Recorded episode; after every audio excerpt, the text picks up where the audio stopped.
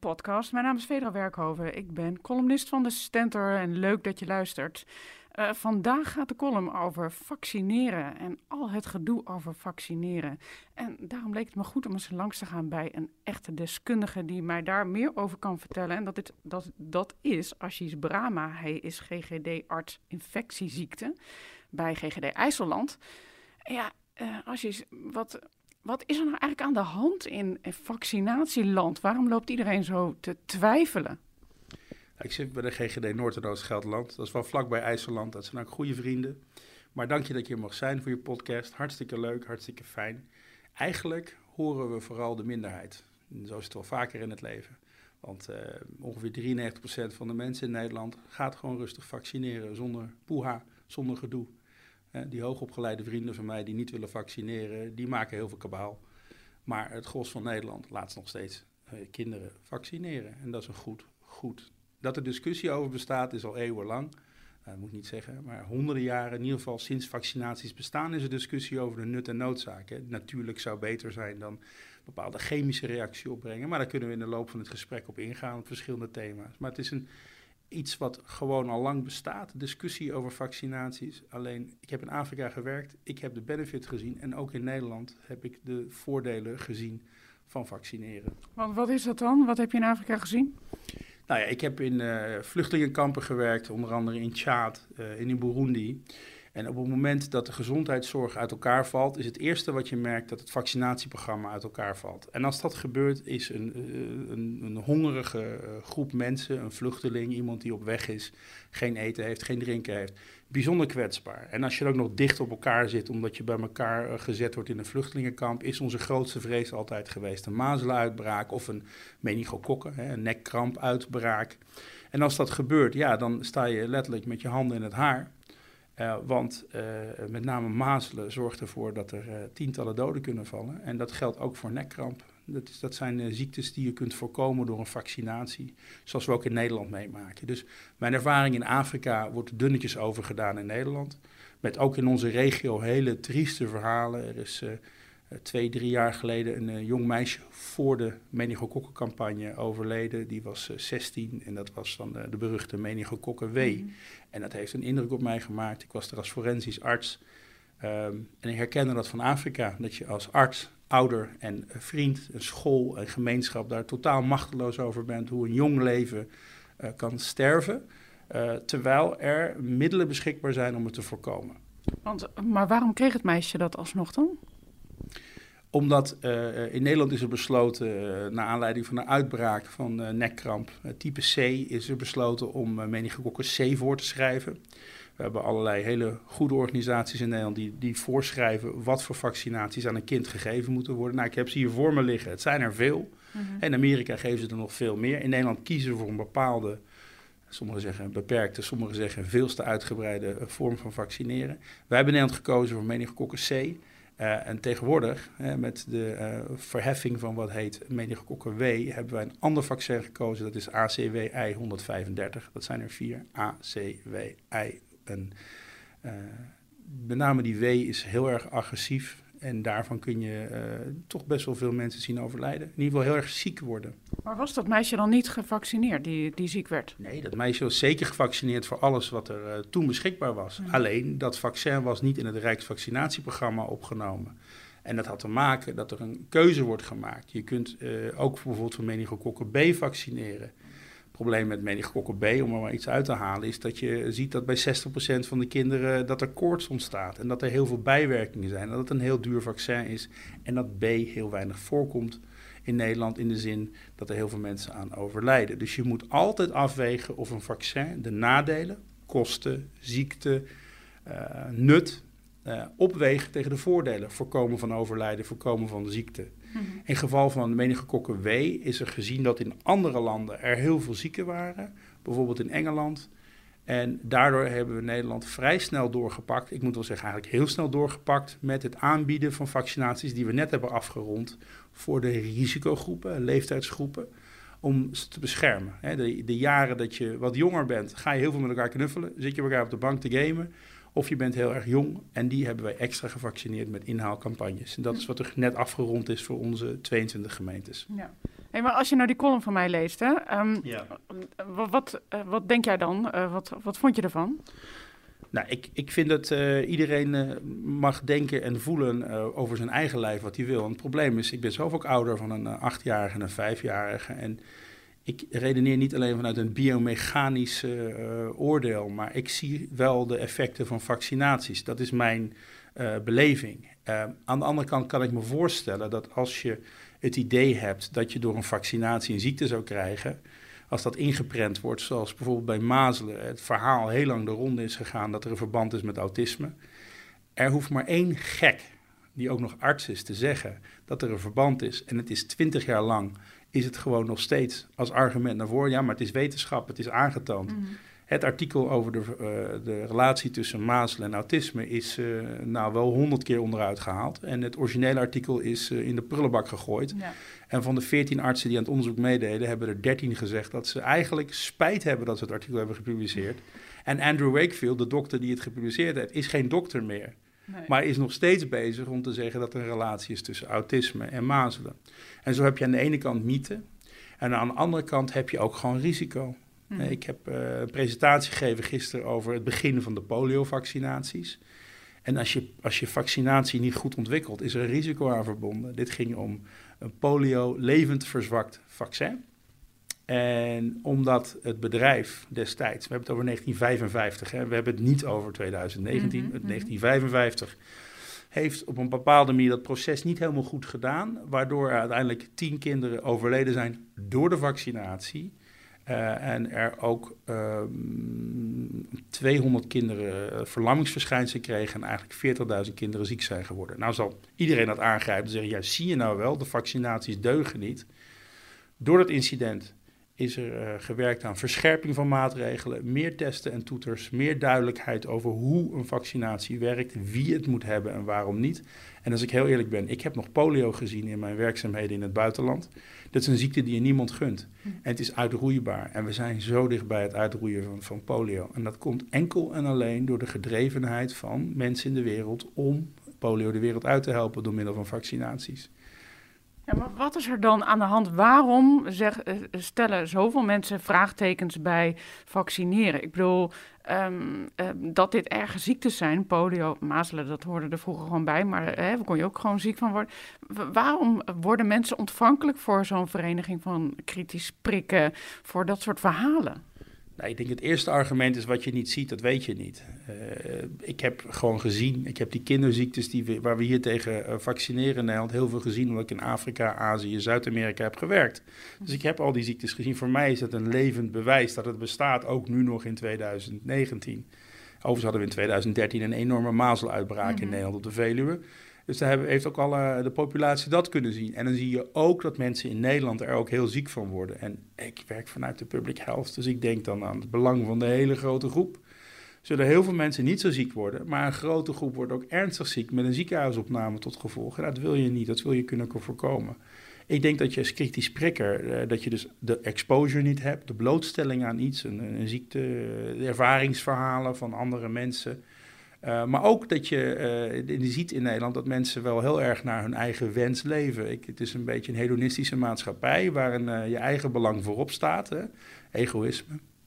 En dan zeg je, nou, ik heb wel begrepen hoe dat zit met herd immunity. herd immunity betekent niet meer of minder dat omdat ik een vaccinatie laat zetten aan mijn kinderen, doet 95% van Nederland dat. Dus die 5% die zegt, ik ga niet meedoen om religieuze redenen, daar hebben we het niet over, mm-hmm. want die groep vaccineert steeds beter. Maar de nieuwe niet-prikkers, dat zijn mensen die zeggen: ja, maar wacht eens even. Uh, andere mensen prikken wel, dus mijn kind is toch wel beschermd. Ja, dus dat is egoïstisch bedoel je? Nou, dus er is een mix van de redenen waarom. Ik zou dat niet alleen maar egoïsme willen noemen. Er zijn mensen die ook terecht be bezorgd zijn. En het is natuurlijk zo dat je uh, andere uh, manieren van kijken hebt op, uh, op, op, gezondheid. Mensen die in Ayurveda geloven of in homeopathie. Uh, uh, en het is wel dat in deze wereld, in, in, Nederland in ieder geval, de biomechanische kijk, hè, wat we noemen de, de allopathie, onze geneeskunde, dat is de dominante vorm. Mm-hmm.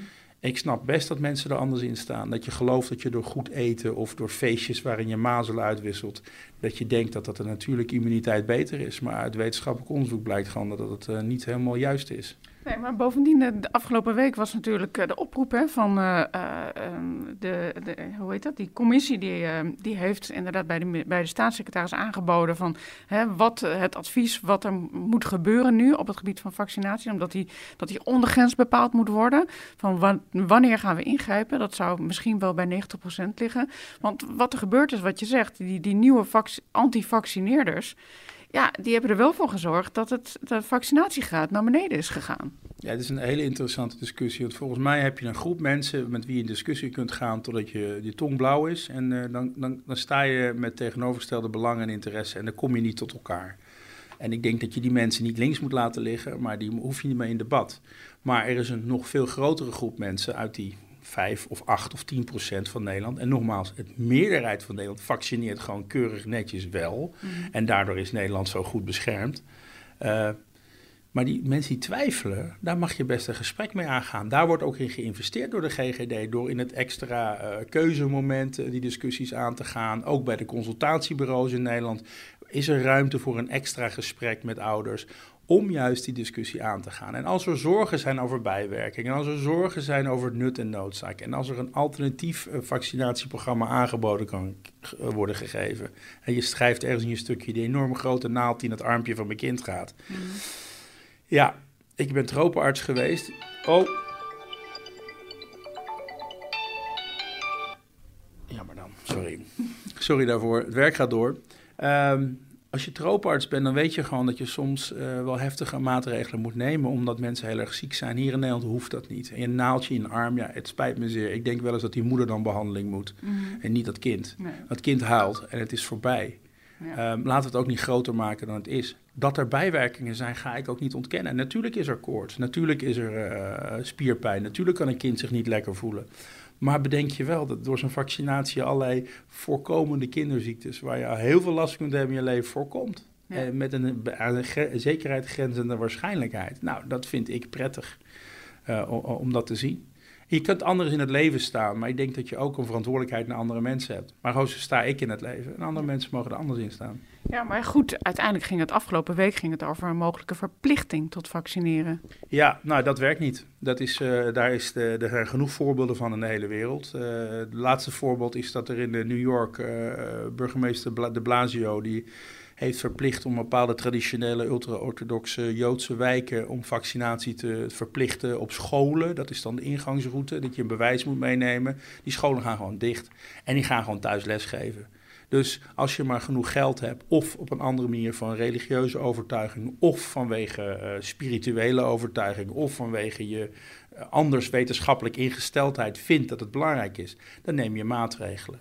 En er staat ook in de grondwet dat er een integriteit van het lichaam is. Dus dat botst met elkaar. Je mhm. kunt niet zomaar een naald tegen iemands in iemands lijf schuiven. En als je kind bent, gaat een ouder over jou en niet de overheid. Zo is het ook nog een keer. Het Rijksvaccinatieprogramma werkt omdat het vrijwillig is. Als we het niet goed uit kunnen leggen, dan moeten we werken aan onze boodschap. Dan moeten we werken aan influencers. Dan moeten we werken aan de mensen die wel bereikbaar zijn voor dialoog. Mm En moeten we niet gaan schuilen. Dan moeten we het verhaal eerlijk vertellen. Vertellen dat vaccinaties echt bijwerkingen heeft. Dat er incidenteel ook mensen heel erg ziek van worden. Maar dat als je dat afweegt tegen de, het voorkomen van epidemieën, dat het gewoon grote baat heeft. Ja. Maar eh, heb jij wel eens discussies met mensen daarover? In mijn persoonlijke levenssfeer of uh, op mijn werk? Ja, ja, misschien eigenlijk allebei wel. Nou ja, in beide. Uh, ik vind uh, met vrienden, ja, er zijn mensen die inderdaad ervoor kiezen om het niet te doen. En ik denk dan, ja, weet je, ergens moet je ook live and let live. Ik kan, ik kan niet iedereen overtuigen, dat wil ik ook helemaal niet. Het is een individuele keus die je maakt. Maar ik kan wel het kader schetsen. Ik kan wel aangeven waarom ik het belangrijk vind. Het is niet alleen beschermen van je eigen kind. Het is juist voor het beschermen van andere kinderen, zwakkere ouderen, eh, mensen met ziektes, mensen die immuungecompromitteerd zijn. Lees, die hebben kanker of allerlei andere ziektes waardoor ze verhoogd kwetsbaar zijn. Die bescherm je ook. Het is niet alleen maar beschermen of niet beschermen van je eigen kind. Mhm. In Afrika zeggen we wel eens. Het, je kunt een maatschappij beoordelen op hoe ze omgaan met gekken, met kinderen, met vrouwen en ouderen. Mhm. En als je zegt van ik bescherm mijn kind, maar de andere kinderen doen niet zoveel toe, dan weet ik hoe dat beoordeeld wordt in Afrika. Namelijk? Dat dat nogal egocentrisch is. Mhm. En dat we gewoon uh, ook gemeenschappelijke uh, zin hebben. En natuurlijk zijn we in Nederland. En natuurlijk mogen we hier ons eigen leven leiden zoals we willen. En we hoeven helemaal geen les te volgen uit Afrika. Maar ik denk wel dat het gemeenschapszin wel het goede antwoord is. Openheid om naar elkaar te komen en uh, naar elkaar te luisteren. Voor mij hoeft echt niet iedereen te vaccineren. Zo is het niet. Dat gaat me niet lukken namelijk. Mm -hmm. En soms moet je de strijd dus niet aangaan. Maar er zijn mensen die twijfelen, die op gronden die wellicht niet zo uh, overtuigend zijn, uh, toch een dialoog aan willen gaan. Daar moet je mee praten. En ja, dat doe ik op mijn werk ook wel eens. En soms stop ik er ook gewoon. Ik kan niet ieder individu. We hebben 820.000 mensen in onze regio wonen. Mm -hmm. Mensen die willen, die willen. Wat blijkt uit onze recente inhaalcampagnes van uh, meningokokken, dat er heel veel mensen jongeren ook zelf, als ze ouder zijn dan 12 en uh, op weg naar 16, zelf beslissen, ondanks hun ouders, ja, ja. dat zij wel gevaccineerd willen ja, worden. Die zeggen gewoon, ja, mijn ouders die hebben mij gewoon vaccinaties onthouden. Mag ik trouwens de hele boel inhalen? Ja, interessant is dat, hè? dat, dat, komt ook uit je stukje voor, volgens mij. precies, precies. Maar um, ja, dus wat, wat dat betreft uh, is er misschien ook hoop. Nee, er is altijd hoop.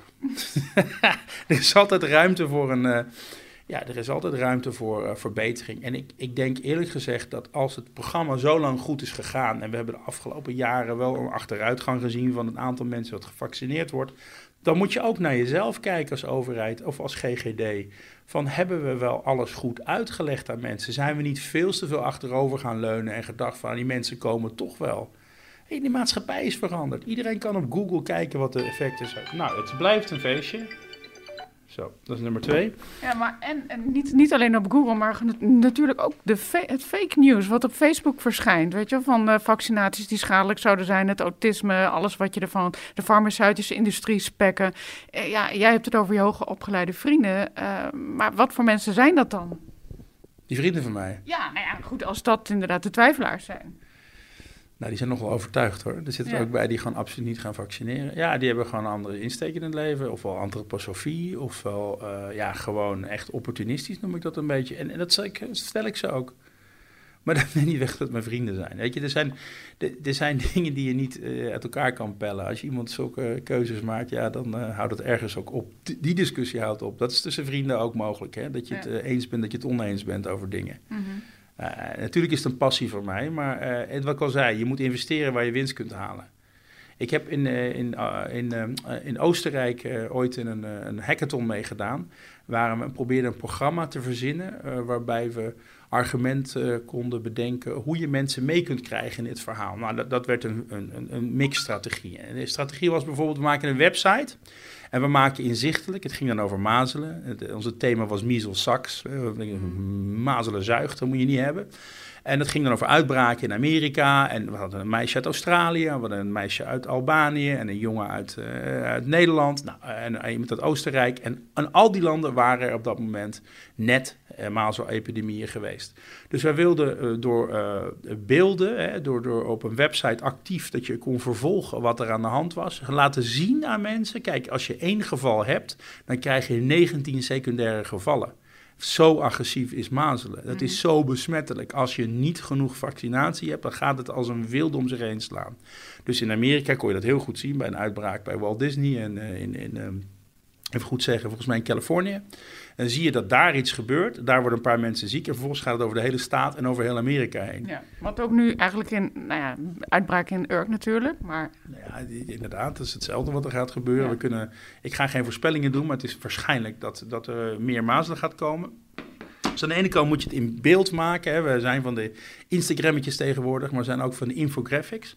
En als je die uh, zelf invloed hebt op uh, verloop, hè, verschillende scenario's, maximale vaccinatie, minimale vaccinatie, uh, gemiddelde vaccinatie, hoge vaccinatie, dan kun je zien hoe een epidemie uitdijt of groter wordt of kleiner wordt. Dat is één. Twee, je moet eigenlijk een uh, beroemd persoon hebben, een influencer mm -hmm. uh, of een vlogger of een blogger, die uh, followers heeft, volgelingen en die gewoon vertelt van uit persoonlijke ervaring ben ik overtuigd dat je moet va vaccineren. Vervolgens moet je een professional hebben die dat verhaal ook doet, ook via de sociale media, mm -hmm. ook via traditionele media, hè, de Stentor, de krant, de vlog, de blog prachtig. Allerlei methodieken om dat te doen. Er moet één consistent verhaal zijn. Mensen moeten er zin hebben om het verhaal aan te gaan. Maar wacht even, zeg je nu dat dat, dat hier in Nederland moet gebeuren of dat dat toen daar in Amerika aan de hand was?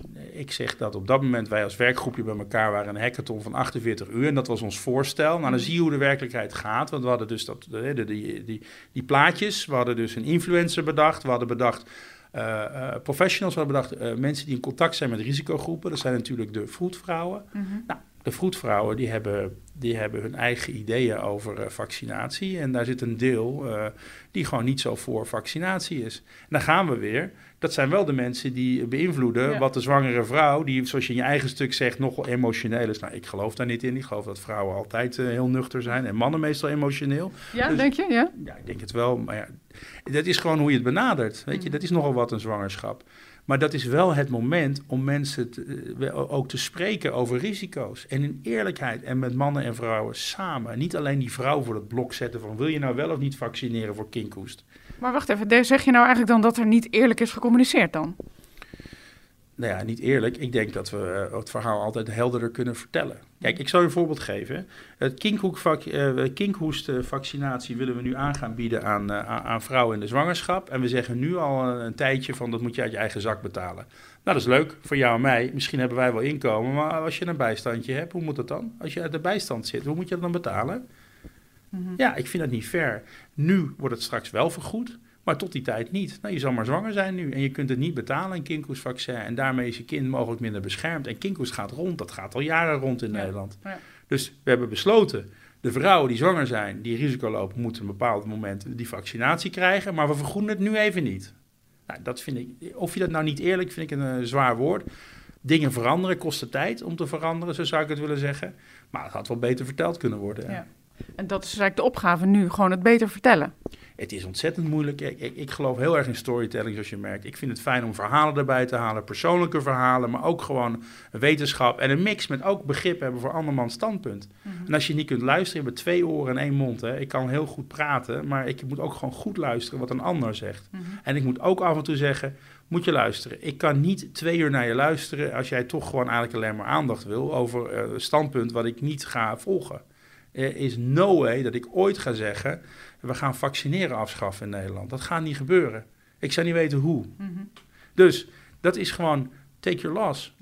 We agree to disagree. We zijn het eens, we zijn het niet met elkaar eens. Maar er zijn genoeg mensen die niet zo overtuigd zijn van zichzelf. Nou, daar kun je een, daar kun je een gesprek mee aangaan. En die ga ik niet overtuigen. Die mogen zelf beslissen wat ze willen. Ja. En verplicht vaccineren, wat mij betreft, of dat een landelijke lijn gaat worden of niet, ik denk niet dat dat zinvol is. Maar dat is mijn persoonlijke mening. Dat is misschien anders dan wat de overheid wil of de GGD NOG. Ik denk niet dat dat een meerwaarde heeft. Waarom? Omdat we nog niet alles hebben geprobeerd aan het dialoog aangaan. Nee. En als afsluiter, ehm, wat is nou, behalve dat meisje, het ergste wat jij hebt meegemaakt aan ziektes waarvoor we nu inhenten? Nou ja, kijk, in het Nederlandse scenario is, is er gewoon nog steeds mensen die doodgaan aan meningokokken. Dat maak ik eh, helaas af en toe mee, ook in Nederland. Ik heb uh, rijke ervaring in het buitenland en dan weet ik gewoon wat het betekent als er een, een mazelen door een kamp heen gaat. En dat betekent dat er echt tientallen kinderen ziek worden en dat er ook ja, een aantal kinderen doodgaan. En het, is heel pijnlijk om mee te maken, omdat het een volledig voorkombare ziekte is. En juist bij mazelen is het zo kwetsbaar dat een of andere pannenkoek het in zijn hoofd heeft gehaald om onzin te verkondigen. En wat nog veel erger is, is dat wat al 20 keer, 30 keer onderuit is gehaald met studies van honderdduizenden mensen, dat er geen verhoogd risico is voor autisme, nog steeds als mantra wordt aangehaald in fake news. En daar appelleer ik aan dat mensen gewoon eens een keer nuchter nadenken. Dat je een ander standpunt huldigt, prima. Maar kom niet aan met kul en kolder. En er is ook geen discussie mee te hebben. Nee. Oké, dankjewel voor dit gesprek. En dankjewel voor het luisteren.